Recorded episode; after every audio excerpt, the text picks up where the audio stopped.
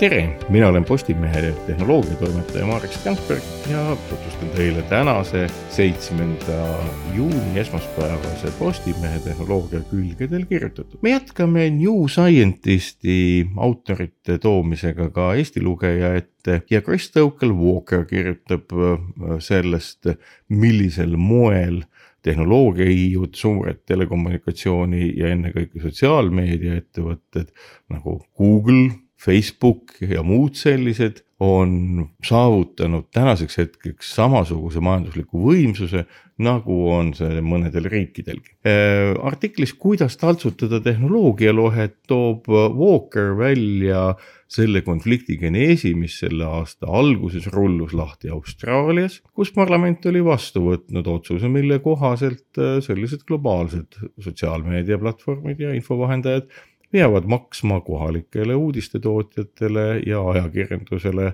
ja nende väljaannetele siis raha nende uudiste eest. selle peale Facebook, nagu mäletate, keeras kinni Austraalia uudiste vahendamise austraallastele. konflikt kestis mõnda päeva ja selle tulemusena, nagu kirjutab Walker, lahenes see sel moel, et üks Austraalia suurimaid meediatootjaid News Corp, Robert Morekile kuuluv, saavutas siiski lepingu, mille kohaselt nüüdsest nii Google kui Facebook maksavad News Corpile ka raha. aga see ei muuda asja olemust, sellepärast et nii eetilisi kui muid konflikte on seal veel küllaltki. olgu öeldud, et näiteks Facebook oma majanduslikult võimekuselt on samasugune nagu maailma riikide kuuekümne kuuenda majanduse järjekorda pidav Sri Lankagi ja loomulikult on sellistel ettevõtetel väga palju ambitsioone Äh, seda enam, et regulatsioone on üllatavalt vähe ja reguleerimine on väga keeruline. ettevõtted ise ütlevad, et äh, peamine lahendus on eneseregulatsioonis, sõltumatud vaatajad väljastpoolt ütlevad taas, et selline eneseregulatsioon ettevõtte siseselt on mõnes mõttes nagu järelevalveteater. igal juhul toob Walker meile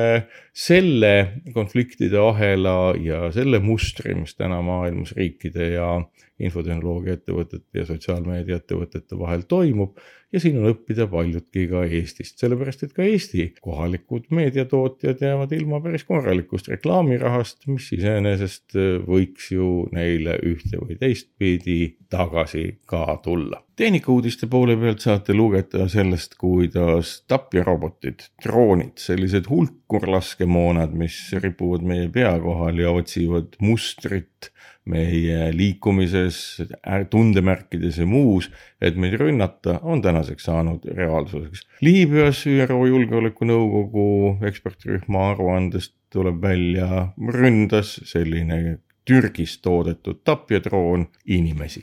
Postimees vahendab ka ühe küllaltki kentsaka uudise või noh, mis kentsaka, vaieldava nimelt ähm, ennustab, ähm, ennustab äh, füüsik Melvin Watson, et juba kolmesaja viiekümne aasta pärast võib olla maal toodetud ja kasutuses informatsiooni rohkem kui maa planeet oma vees, atmosfääris, äh, maa tuumas, vahevöös ja koores üldse sisaldab aatomeid. maa aatomite hulk on umbes kümme astmel nelikümmend kaheksa erinevat aatomit.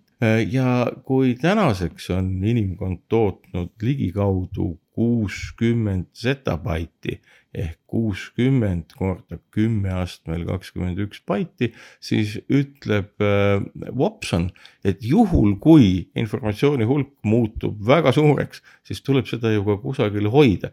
Ja hoitakse seda loomulikult ikkagi mingil füüsilisel kandjal.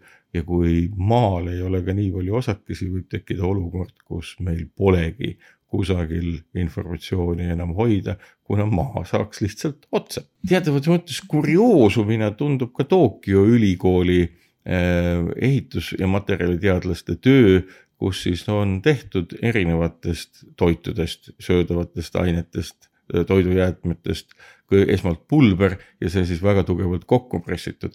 üllatuslikult on selline kokku pressitud esitusmaterjal pärast ka söödav ja enamgi veel, näiteks Hiina kapsast tehtud ehitusmaterjal osutus isegi tugevamaks kui tavaline betoon. aga head lugemist teile nii paberväljaandes, kus lood veidi lühemad ja pikemalt siis juba veebis, kus kogu mahus informatsioon teieni jõuab. head lugemist